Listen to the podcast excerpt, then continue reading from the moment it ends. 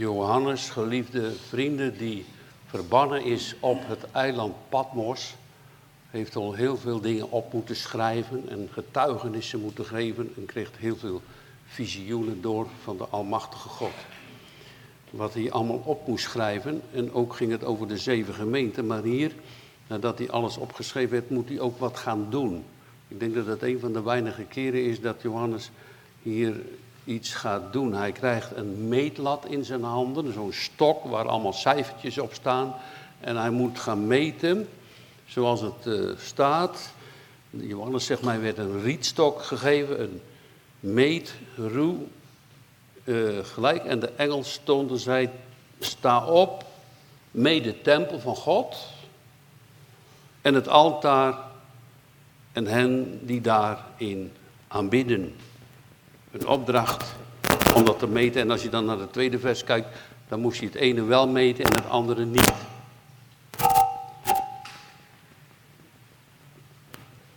De tempel meten, de tempel van God, en daar zijn allemaal verschillende meningen over. Maar ik wilde vanmorgen met jullie na gaan denken, wat zullen wij eraan hebben in deze tijd? Dit gedeelte uit de Bijbel, wat kunnen we ermee doen? Wat is de oproep? Wat is de gedachte hierover? Hoe zal het gaan met ons en hoe zal het gaan met de wereld? Als er staat dat hij de tempel op moest meten, dan is het ook wel zo dat de 70 jaar, en Johannes is al heel oud geworden, was de tempel overwoest. Maar ik denk dat we hier wel uh, duidelijk mogen zeggen dat de Heilige Geest wordt genoemd als een tempel voor ons in ons hart. Tempels zijn wij van de Heilige Geest als we bij de Heer horen. En dan moet hij dat opmeten en het altaar en hen die daarin aanbidden. Ik denk dat het hier gaat over het volk van God, die dan als het ware een, soort uh, uh, deze, de, deze beest wordt gemaakt. Dat men zegt, nou zoveel mensen over heel de wereld aanbidden mij. Die horen bij mij. En daar komt eigenlijk als het ware een meetlint rondomheen. En er is ook een bescherming van God voor. Mensen die God aanbieden. En het hele aparte is, we komen daar dadelijk nog op terug. Uh, maar daarbuiten niet. Dat is het voorhof van de tempel. Dat is het voorhof van de heidenen. Dat moet je niet meten. Is dat niet in orde of zo?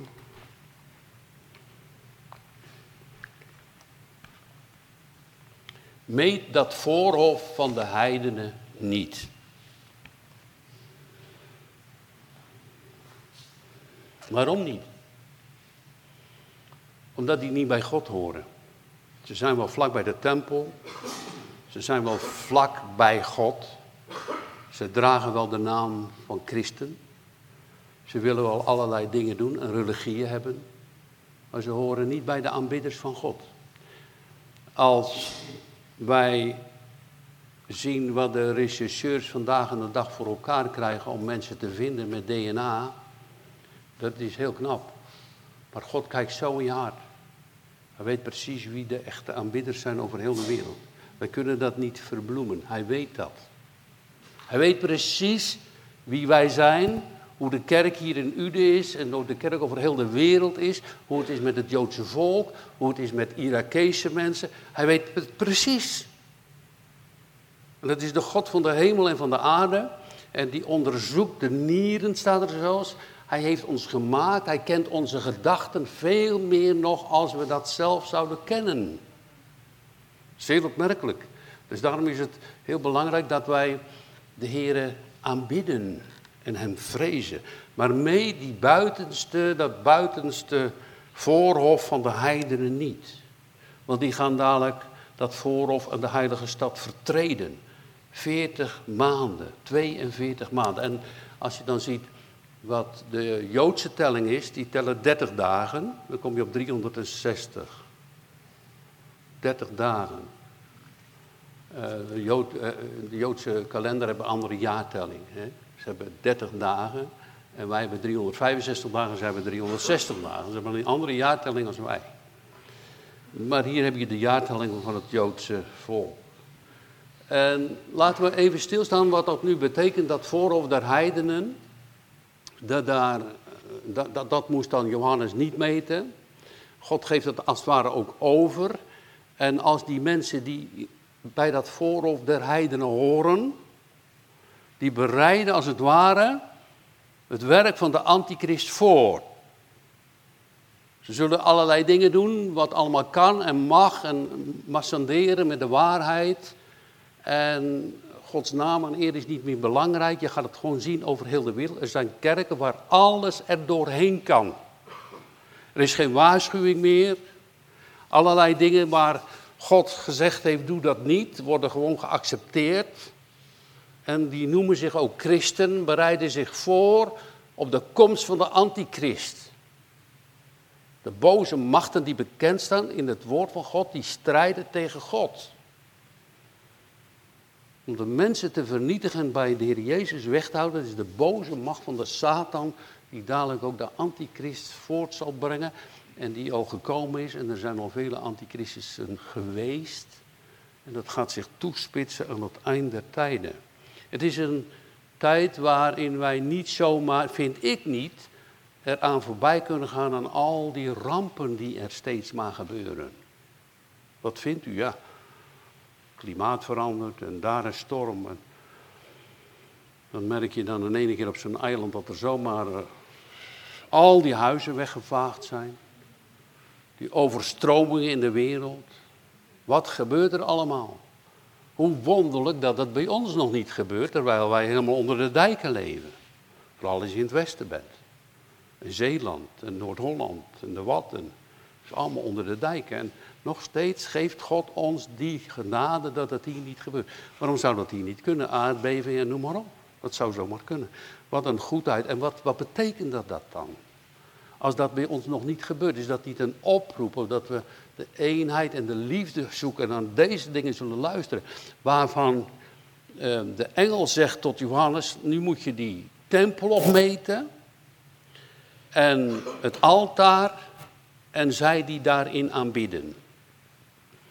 Wij weten dat nadat de Heer Jezus het offer gegeven heeft op Golgotha, er niet meer geofferd wordt. Want dat ene offer is genoeg om alle zonden te bedekken. Want het bloed van Jezus Christus, Gods Zoon, reinigt ons van alle zonden. En als hier dan staat een altaar, dan staat er ook in de Hebreeënbrief, wij hebben een altaar. Dat is de aanbiedingsplaats van God. Het aanroepen van zijn naam. In het heilige, in de tempel stond ook het reukofferaltaar. Dat was het altaar van de gebeden.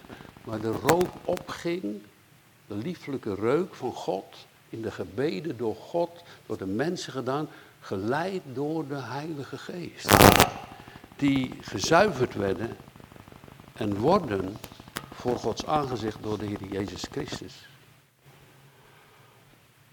Zo is daar dan die aanbidding in de tempel. Daar wordt opgemeten, er wordt gekeken hoe, hoeveel zijn het er? Hoeveel mensen zijn daar? En, en vinden wij dan niet dat er niet veel meer mensen daarbij moeten komen? Uh, vindt u het ook, en mag u geloven dat u veilig bent als u deze dingen hoort? Waar staat u? Bij degenen die opgemeten worden of degenen die juist niet opgemeten worden? Waar de grote afval is. Waarvan God zegt, waar hoererij, dronkenschap, allerlei goddeloze dingen voortgang vinden. Waar men in de wereld alles maar goedkeurt. Als we naar onze regering kijken, dat is niet te noemen wat er allemaal niet gebeurt. Verschrikking. Alles kan ermee door. God moet uitgebannen worden uit Nederland. Weg met hem. Dat zullen we dadelijk ook zien. Het is niet vreemd, want de schrift spreekt er hierover.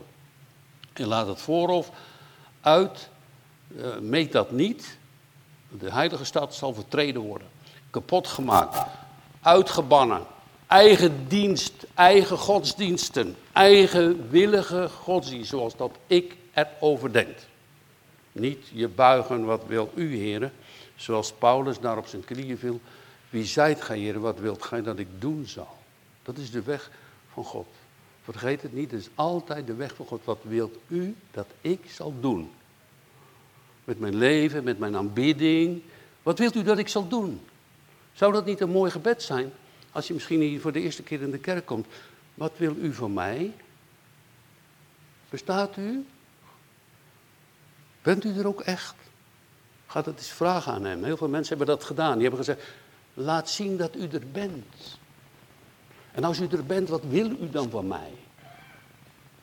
Wat wil u van mij? Wat wil Jezus van, van ons? Hij wil je hart. Hij wil het reinigen. Hij wil het vernieuwen. Hij wil ons het eeuwige leven schenken. Daarom moeten we elkaar ook waarschuwen.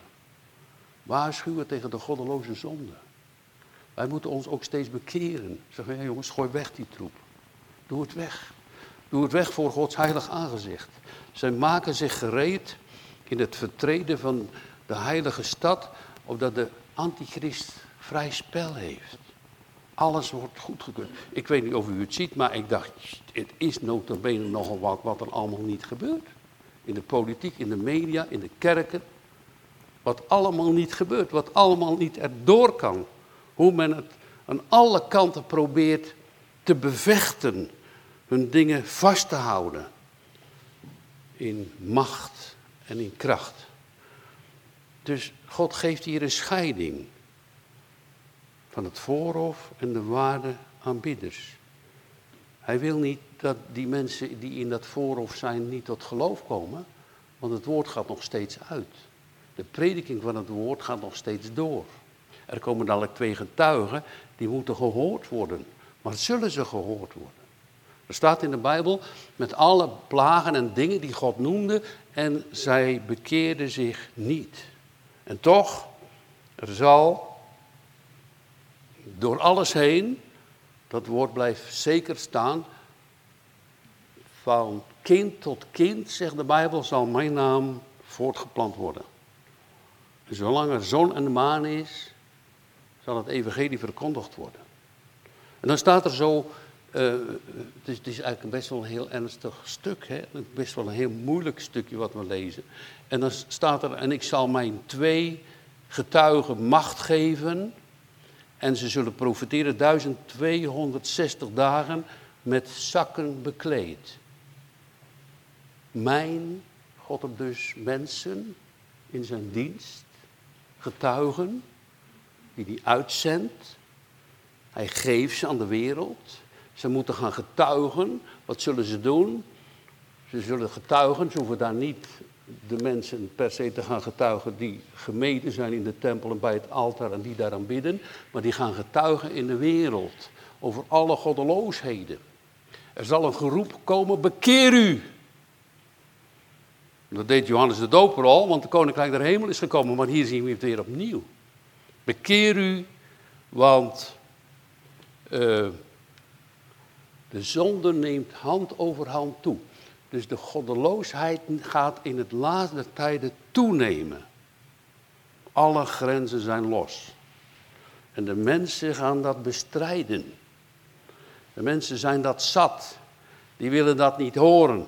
Ze willen hun eigen gang gaan. Ze willen de weg lopen die zij zelf hebben bedacht. En dan staat er in Psalm 2, de Heere onze God die zal lachen. Laat ze maar doen. De Heere zal lachen. En daar komen wij dadelijk ook op terug. Dat je denkt, nou als je dit leest, wat blijft er nou nog van Gods kracht over? Dat die dadelijk die twee getuigen, dat die zomaar door de antichrist gedood worden? Dat dat helemaal monddood gemaakt wordt? Dan denk je, wat is dat voor een God? Zou die dan geen macht hebben? Wat gebeurt hier? Daar komen we dadelijk op terug. Dat het door de geschiedenis zo vaak op die manier gegaan is. Maar dat God toch een plan heeft. Dat God dat toelaat. Dat God wonderlijk werkt. Die twee getuigen die hebben macht. Ze gaan profiteren. Ze gaan de mensen aanroepen en aanzeggen. Soms zie je dat nog wel gebeuren. In Eindhoven is er ook zo'n man en die roept het uit. Hè? Op de straat en die roept het uit. Bekeer u, want het koninkrijk der hemel is gekomen. En mensen zeggen, oh, een achtelijke kerel. Maar wie weet dat hij toch een getuigenis geeft van de Allerhoogste God. Hè? En, en hoe is het met ons? Welke getuigenis geven wij af in de wereld? Ja, je moet toch iedereen in zijn waarde laten. En eh, hoe vaak heb ik het ook niet in het pastoraat op Oude Kerk aan de IJsland. Ik heb het hier ook wel meegemaakt. Bijvoorbeeld bij een begrafenis of bij een bijeenkomst. Ja, het is goed dat je komt hoor. Maar je moet niet te veel over God praten hoor. Het is wel goed dat je komt, maar het is goed dat je de dienst leiden. Dus de begrafenisdienst, maar je moet wel rekening houden met de mensen, want ja, die, die, die denken er heel anders over. Dan ga je toch niet zomaar zeggen dat ze zich moeten bekeren, dat er zonder de Heer Jezus geen leven is. Dus moet je wel heel matig, dan mag je wel komen. Maar anders liever niet.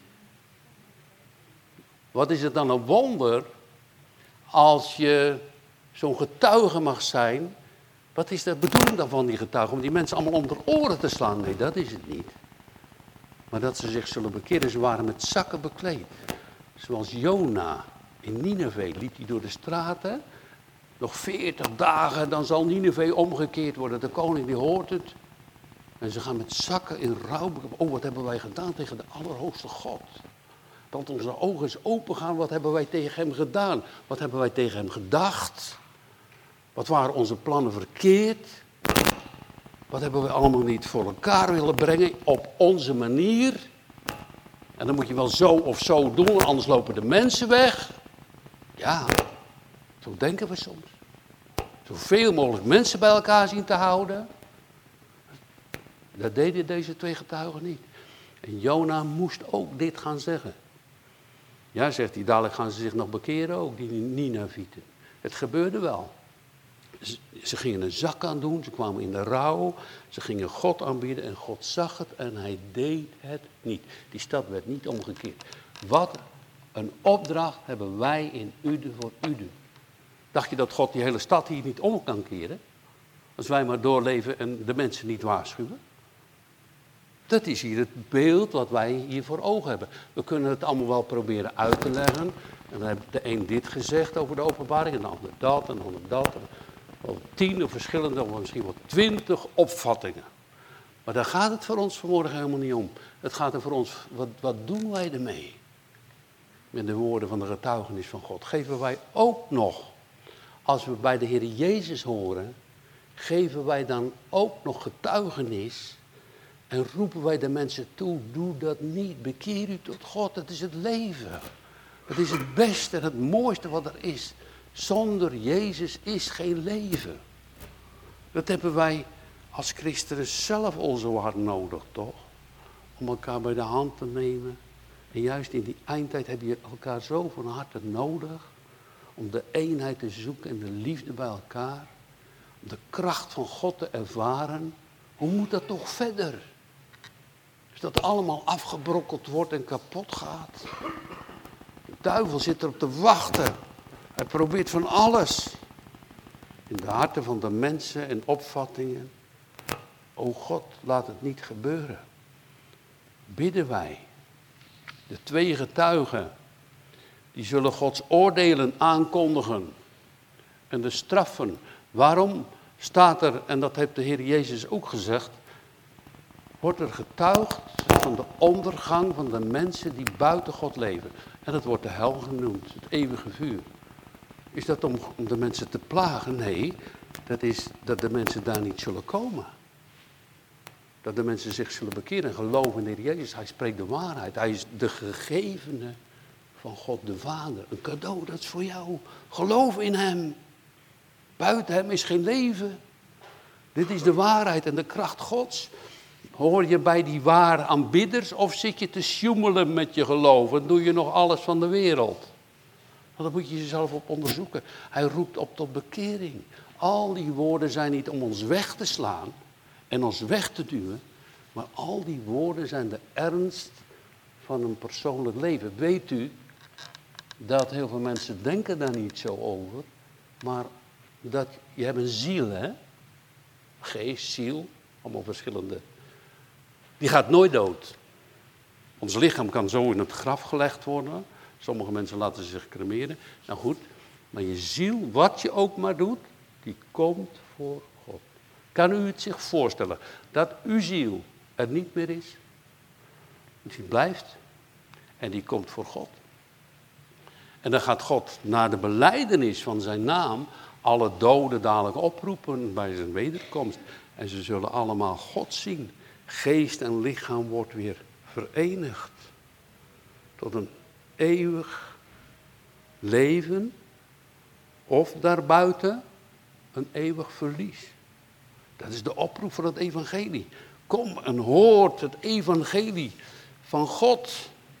En dan staat hier, ze zullen 260 dagen met zakken bekleed, zullen ze gaan prediken. En oproepen tot geloof en bekering. En dan staat in vers 4, deze twee zijn de olijfbomen en twee kandelaren die voor God van de ganse aarde staan. Nou moet u weten, die olijfbomen die geven dus, olijven kan je eten, maar die geven ook olie. Je kent toch de olijfolie, hè? Dus dat is de olie die wij nodig hebben, die de kerk van God nodig heeft om de lamp te laten branden. Dat is de kandelaar. God noemt ons het licht der wereld. Omdat we het licht van Hem uitstralen. Om dat licht te laten branden, hebben wij voortdurend olie nodig. Dat is de Heilige Geest. Die voortdurend dat licht geeft en die olie geeft. Het stopt niet. Dat is een voortdurende stroom, zoals ook in de profetieën staat bij Zacharia en Ezekiel met die meetlat. Dat er een voortdurende stroom is van olie om die lampen van God te laten branden. Laat uw licht al zo schijnen in deze boze wereld. Omdat u mag zien en geloven de waarheid Gods die u voor uzelf mag ontvangen. En jou ook zo graag aan die ander door wil geven. De kleine, de grote. Ja, zegt vanmorgen iemand. Die vrouw die gelooft niet. Maar haar twee ouders zijn zo ziek wil je bidden. En we doen het ook. We zullen zeker ook voor die ongelovigen bidden. Maar waarom komen ze zelf niet om te bidden? Ja, ga jij maar naar de kerk en wil jij dan daar in de kerk voor mij bidden? Waarom kom je zelf niet, het huis van God? Waarom kom je zelf niet om te luisteren? Om alle rijkdom die God heeft te mogen ontvangen en de vernieuwing van je leven. Het is soms wel heel moeilijk vandaag en de dag, vinden wij dan. Hè? We hebben vaak niet genoeg vrijmoedigheid. En dan zit je soms wel eens te worstelen, hoe zou ik nou een gesprek beginnen? Er staat een, een grote kerel, een hele brede jongen, gespierde jongen, zeg maar, tegen de 30 jaar, helemaal vol met de tatoeages. Nou ja, ik zou dat niet doen, maar en ik denk, ja, hoe krijg ik nou, wat, wat is dat nou voor een persoon, weet je? Want er staat in een rijtje te wachten. En ik zeg tegen hem, joh, het was een beetje de tijd van de week dat je denkt, nou moet ik nou een trui aan doen of niet, weet je wel. Dus dan, hij liep nog eens een korte shirtje. De ander had een jasje aan. Helemaal onder de tatoeage. Ik, en ik zeg tegen hem, heb je dat nou met die tatoeages, heb je het dan minder koud? Dus ik denk, ik wil een gesprek met die man. Wat doet hij? Hij zegt, nou, hij schoot in de lach. Hij was niet boos, was geen boze man.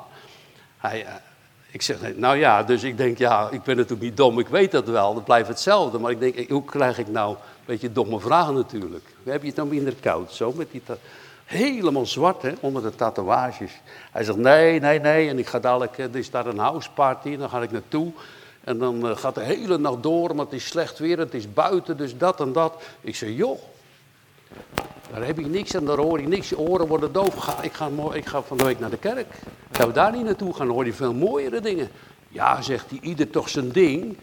Nou ja, dat is nou de wereld. Hij zegt, maar morgen moet ik wel vroeg opstaan. Ben ik de hele nacht, ga ik naar die houtpassie. We nemen van alles in, zegt hij. En, en dan morgenochtend moet ik vroeg opstaan, want dan moet ik om half acht met mijn zoontje naar het voetbalveld. Dat is toch belangrijk, zegt hij. Ik zeg, joh, wat is allemaal zo belangrijk, hè, deze wereld. Het moet allemaal zo doorgaan. En, en, en we mogen wel bidden dat we meer vrijmoedigheid krijgen om die goede boodschap van God door te geven in de wereld.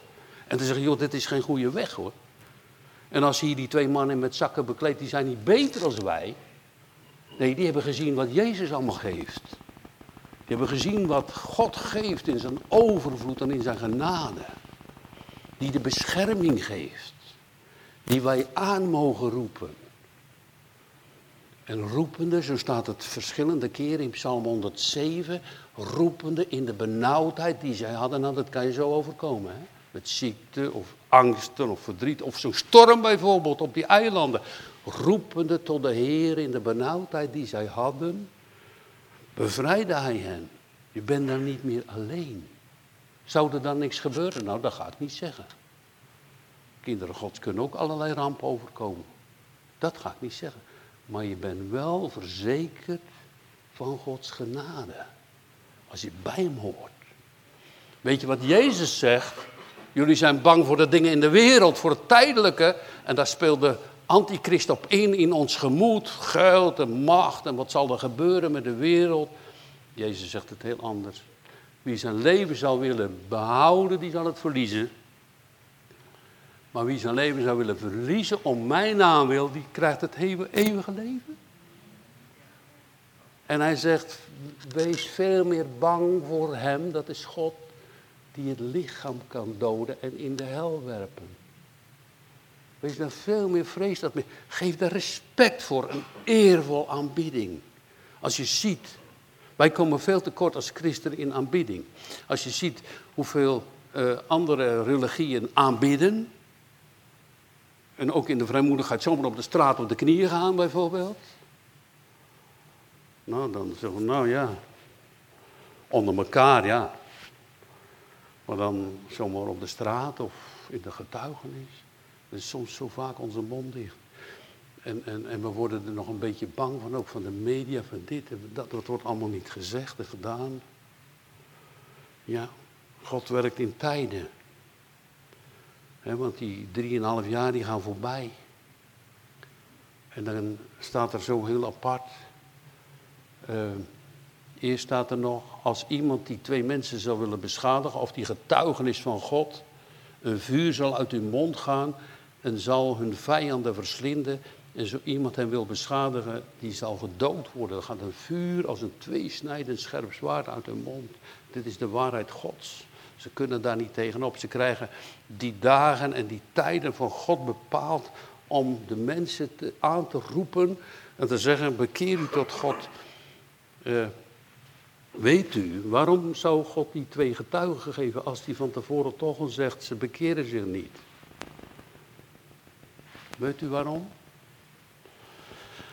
Omdat de hardheid van de mensen God zich ook vrijmaken. Niemand zou kunnen zeggen: ja, maar dat heb ik toch niet geweten hoor. Niemand zou kunnen zeggen, ja dat heb ik niet geweten hoor. Want wat hebben wij dan een opdracht voor onze kinderen om voor hen te bidden, om ze bij de Heer Jezus te brengen. En als, ze dan, als het dan fout gaat, of als het dan niet goed gaat, of ze verloren gaan, kinderen. Ja, kinderen kunnen niet verloren gaan, maar dat weet ik niet, dat weet u ook niet, dat weet God. Maar het is wel heel belangrijk als je ouder bent, dat je voor je kinderen bidt en een opdracht aan de troon van God. Hoe vaak gaat het fout? Hoe vaak ging het bij ons fout? En weet je wat nou zo mooi is? Dat vind ik voor mezelf en ik weet het ook voor u. Stel je voor als ik nou deze beker heb en dit is een stenen vloer en ik laat hem zo vallen. Dan zijn het allemaal stukjes. Dan is alles kapot. Zo is die spiegel van ons leven, die prachtige spiegel waar wij op God hebben geleken, helemaal gescheurd. Het ziet er niet uit. Dan mag je aan die God vragen, ik krijg dat nooit meer, zo'n beker en die spiegel krijg ik nooit meer heel. Maar u wel. U geeft een nieuw leven. U geeft een nieuw hart. U geeft een nieuw gemoed. U geeft vertrouwen en geloof dat ik bij u mag horen. U maakt alle dingen nieuw. Komt een nieuwe hemel, een nieuwe aarde, nieuwe mensen. Dezelfde mensen, maar toch vernieuwd. Nieuw. Wij prediken Christus. Wij geloven dat Hij onze heiland is.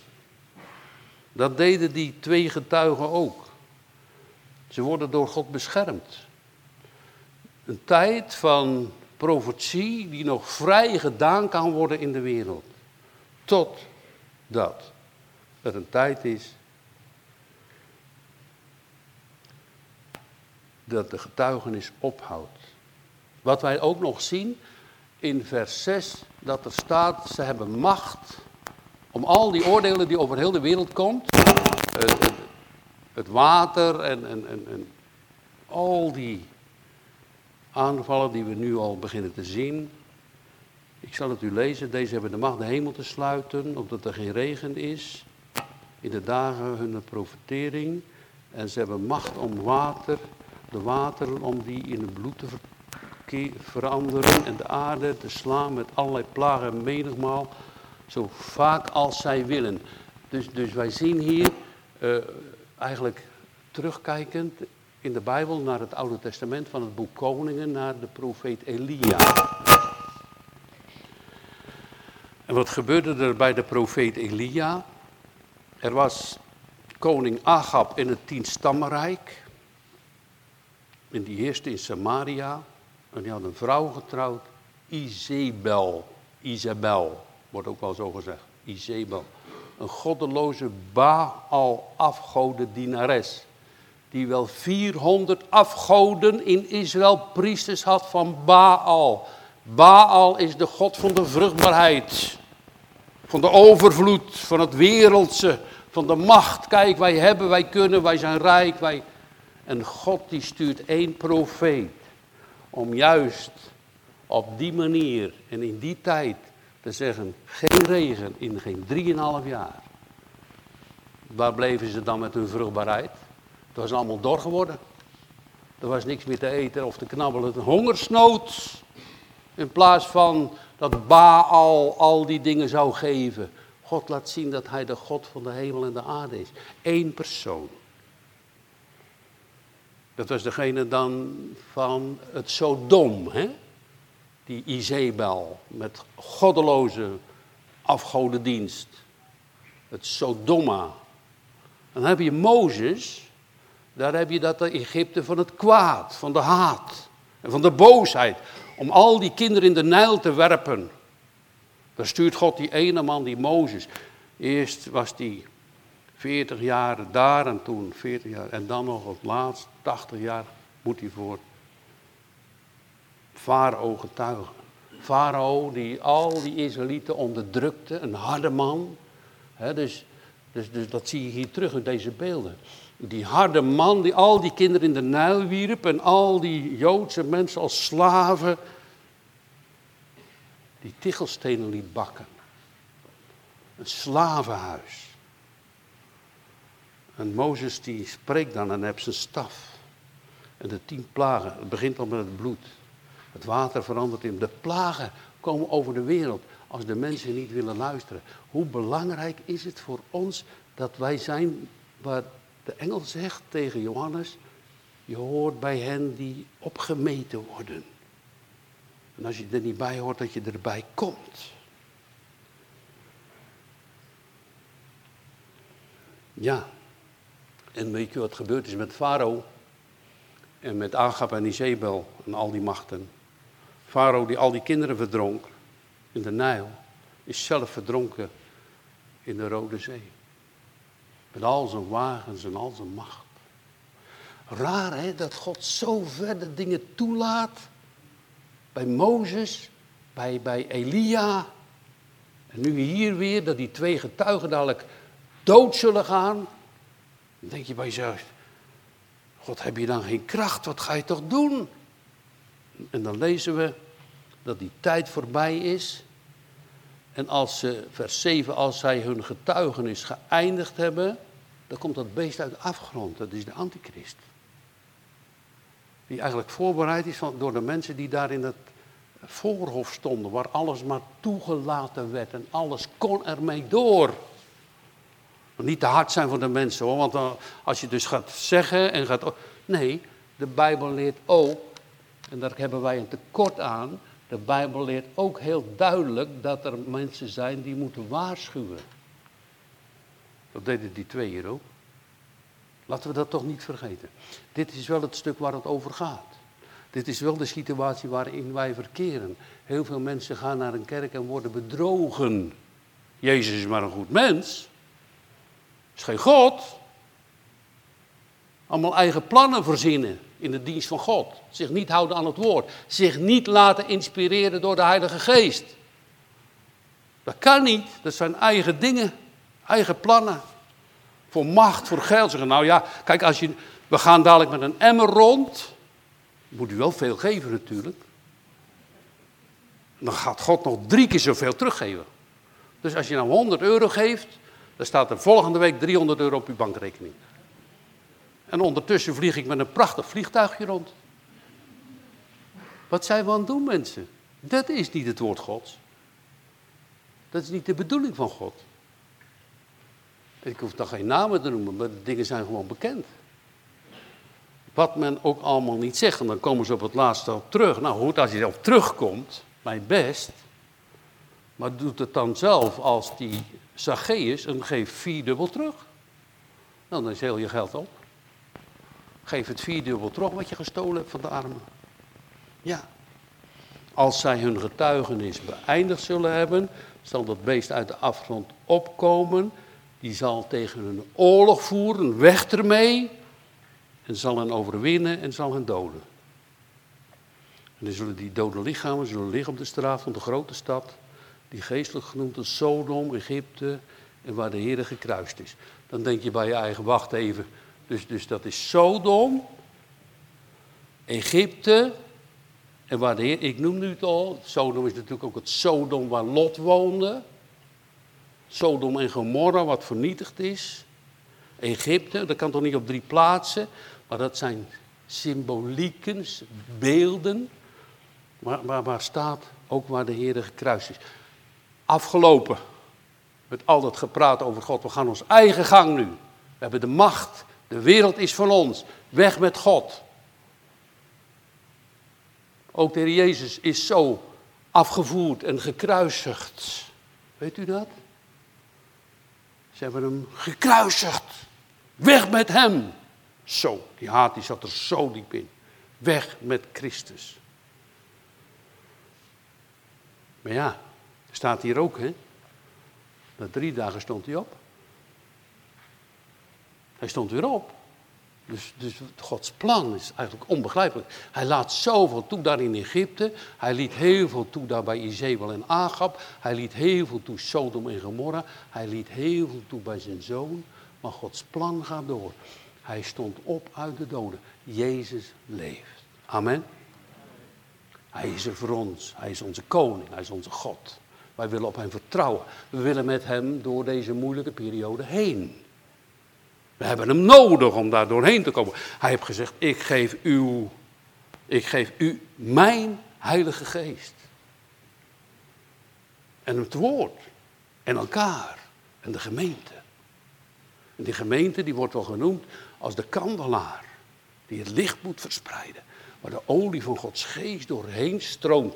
Omdat we de goede weg en de goede keuze zullen maken. Een dode lichaam ligt op de straat van de grote stad. Afgelopen denken de mensen. Wat een barbaar, laat hij het lichaam zomaar op de straat. Ja, je, eh, het is een verschrikkelijk woord, maar ze laten het zomaar verrotten. Wat een barbaarse toestand. Zoals ze dat ook nog wel in die landen doen, in Irak. En dan hebben ze iemand gevonden die tegen hen is. En dan zeggen ze, God wil het, weg met hem. En ze binden een touw aan zijn voeten en rijden door de stad heen met hem erachteraan hobbelend. Zoveel mensen zijn gedood. Wij weten daar niets van. Dan moet je aan gaan vragen. Die mensen uit Syrië en Irak, die weten dat. Ik weet er helemaal niks van. Ik lees het. Maar ik ben erover verschrikt. En ik denk, mijn God, help die mensen. Die verdrukte, ik, ik was zo uh, in die oorlogen die er nu zijn, had God me zo op mijn hart gebonden om voor de Koerden te bidden. Misschien zijn het uw vijanden, maar ik moest ervoor bidden. Die hebben ook een hart dat ze bij God komen. Tussenbij ontmoet ik ze in Antwerpen, geven we hun een, een Koerdische Bijbel. Het zijn mensen die ook verdrukt worden. God ziet naar de verdrukten. Als je in dat Hindoeïsme moet evangeliseren, zoals onze kinderen dat uh, doen, dan, dan, uh, dan heb je daar een kaste uh, een incarnatie, een leer. Nou, als je het dus rijk hebt en goed hebt en een mooie woning en zo, Nou, dan heb je vroeger een heel goed leven geleid. Dan uh, heb je God niet nodig, want je hoort bij dat hele systeem. Maar daar zitten tussen die bergen heel veel arme en zieke mensen. Die hebben bijna niks. Daar gaan onze kinderen naartoe. Want die hadden vroeger een slecht leven. Die horen er helemaal niet bij. En daardoor komt het dat ze nu een slecht leven hebben. Met die incarnatie. Maar daar wordt verteld van Jezus Christus. Van dat nieuwe leven, van God. En ze nemen het evangelie aan. Bij de armen wordt het evangelie verkondigd. En wordt het aangenomen. Wordt het omarmd. Dank u. Want het evangelie van God is voor hen die het horen en hun hart aangeraakt wordt een kracht. Een kracht van God. Om zalig te zijn, om zalig tot zaligheid staat er. Voor iedereen die gelooft. En, en, en dan sleuren ze ze door de stad heen. Hier laten ze ze liggen. En heel opmerkelijk, hè. Daar staat er nog, en de mensen uit de volken en de geslachten en de talen naties zullen hun dode lichamen zien, drie dagen en een halve. En zullen niet toelaten dat hun dode lichamen uh, begraven worden. En die op de aarde wonen zullen heel blij worden over hen. En ze zullen feest bedrijven. En ze zullen elkaar geschenken. Nou, eindelijk zijn we er. Zo, daar zijn we vanaf. Een feestje vieren nou, jongens. Dat is klaar. Helemaal klaar. Met de Heer Jezus was het ook zo. Nou, daar zijn we mooi vanaf. Dat is precies hetzelfde wat hier gebeurt. Daar zijn we vanaf. Maar zo is het niet. Je bent nooit van Jezus Christus af. Niemand in de hele wereld niet. Hij is de King of Kings. De koning der koningen. Ziet dat je erbij hoort bij die opgemeten mensen. Dat is een weg van het geloof. De weg van de schrift. De weg van de Bijbel. Wij komen veel te kort. Ik denk ook in onze gemeente. We durven vaak niet te waarschuwen. Hier waren twee getuigen. Is onze gemeente nog een getuigende gemeente in de wereld? Over de goddeloosheden die er zijn, of dat mensen gewonnen worden? Bent u een licht? Of vertonen we eerder de duisternis? Moeten wij ons ook niet bekeren als we dit lezen? En geloven. Want heel dat feestgedruis en die blijdschap van die mensen was een tijdelijke overwinning. Maar God geeft een eeuwige overwinning. Een eeuwig thuiskomen. Dan zeggen ze, nou joh, uh, gelukkig, hij komt niet afgelopen. Die man daarop, die, als hij met die verjaardag gaat, hij het altijd maar over God. Nou, hij is nou dood, gelukkig, daar zijn we vanaf. Zo is het echt zo. Dat staat hier. Die twee zijn weg. Weet je waarom de mensen zo boos worden? Als die twee getuigen, getuigen en oproepen tot geloof en. Weet je waarom ze zo boos worden? Die mensen in de wereld. Ze voelen wel dat ze geen gelijk hebben. Er is ook nog, misschien is er nog iets over van een conscientie, noem je dat, van een geweten. Dat je denkt, ja, dat ze vroeger misschien gehoord hebben. En dat het lieveling bijna allemaal uitgeblust is. Op de duur is het helemaal verhard geworden. Keihard. En daarom haten ze het weg. Daar willen we niets meer van horen. We horen, wij hebben de wereld. En dat is zo kort. Want uh, wie garandeert u dat u er morgen nog bent? Ik niet hoor. Voor jong en oud niet. En van mezelf ook helemaal niet. God weet het. De tijd is kort. En Jezus komt zo terug. En dit staat niet voor iets. Hoe lang moeten we wachten? Je raakt eraan gewend, hè, aan al die rampen. Je raakt eraan gewend. Nou, we ronden het af. Ze zullen blij zijn.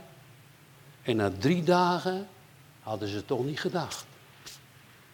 Stonden ze op uit de doden. De getuigenis gaat weer door. Dat was gebeurd na Egypte, dat was gebeurd na Izebel, dat is gebeurd na de Heer Jezus, afgelopen met de Heer Jezus. En wat gebeurt er? De apostelen gaan vertellen over heel de wereld. Het evangelie wordt verkondigd over heel de wereld. Hier gaat het op het laatste weer gebeuren. Laten wij deze dingen ter harte nemen en ons afvragen, ben ik ook opgemeten? Dat is één. En de tweede, geef mij de genade van God dat ik mag getuigen van Jezus Christus. Waarom? Omdat je ook die mensen daarbuiten zo lief hebt. Toch? Want de liefde van God is in je hart uitgestort. Niet om ze te haten. Ik denk wel eens, wij zijn eigenlijk de slechtste. Ik vind dat, misschien u niet, maar ik vind mezelf helemaal niet goed. Maar omdat Jezus er is. En zijn liefde en zijn trouw. Daarom. Mensen, we zouden hier nog veel langer op door kunnen gaan. De tijd is daar. En was God, bij God was er ook een tijd. Omdat wij zullen horen. En ik zeg nog één ding. Die aangepaste kerk. Die kiest de kant van de wereld. Die kiest de kant van de antichrist. Het zijn de mensen van het voorhof. Maar het is geen kerk die waarschuwt tegen de zonde. Jezus was dood en de wereld was blij. Maar de kinderen Gods waren verdrietig. Maar ze zullen opstaan en God loven. Zullen we eraan denken? Zullen we niet denken, nou, we doen het wel goed genoeg. Het is wel mooi genoeg zo. Maar dat we dus een opwekking krijgen in ons gemoed en in ons hart. Zijn je kinderen opgemeten of zijn ze in het voorhof? Heb je werk genoeg? Zijn ze in het voorhof? Dan moet je dag en nacht. Tot God ze thuis brengt. En hij zal het doen. Omdat wij op zijn naam vertrouwen. Amen.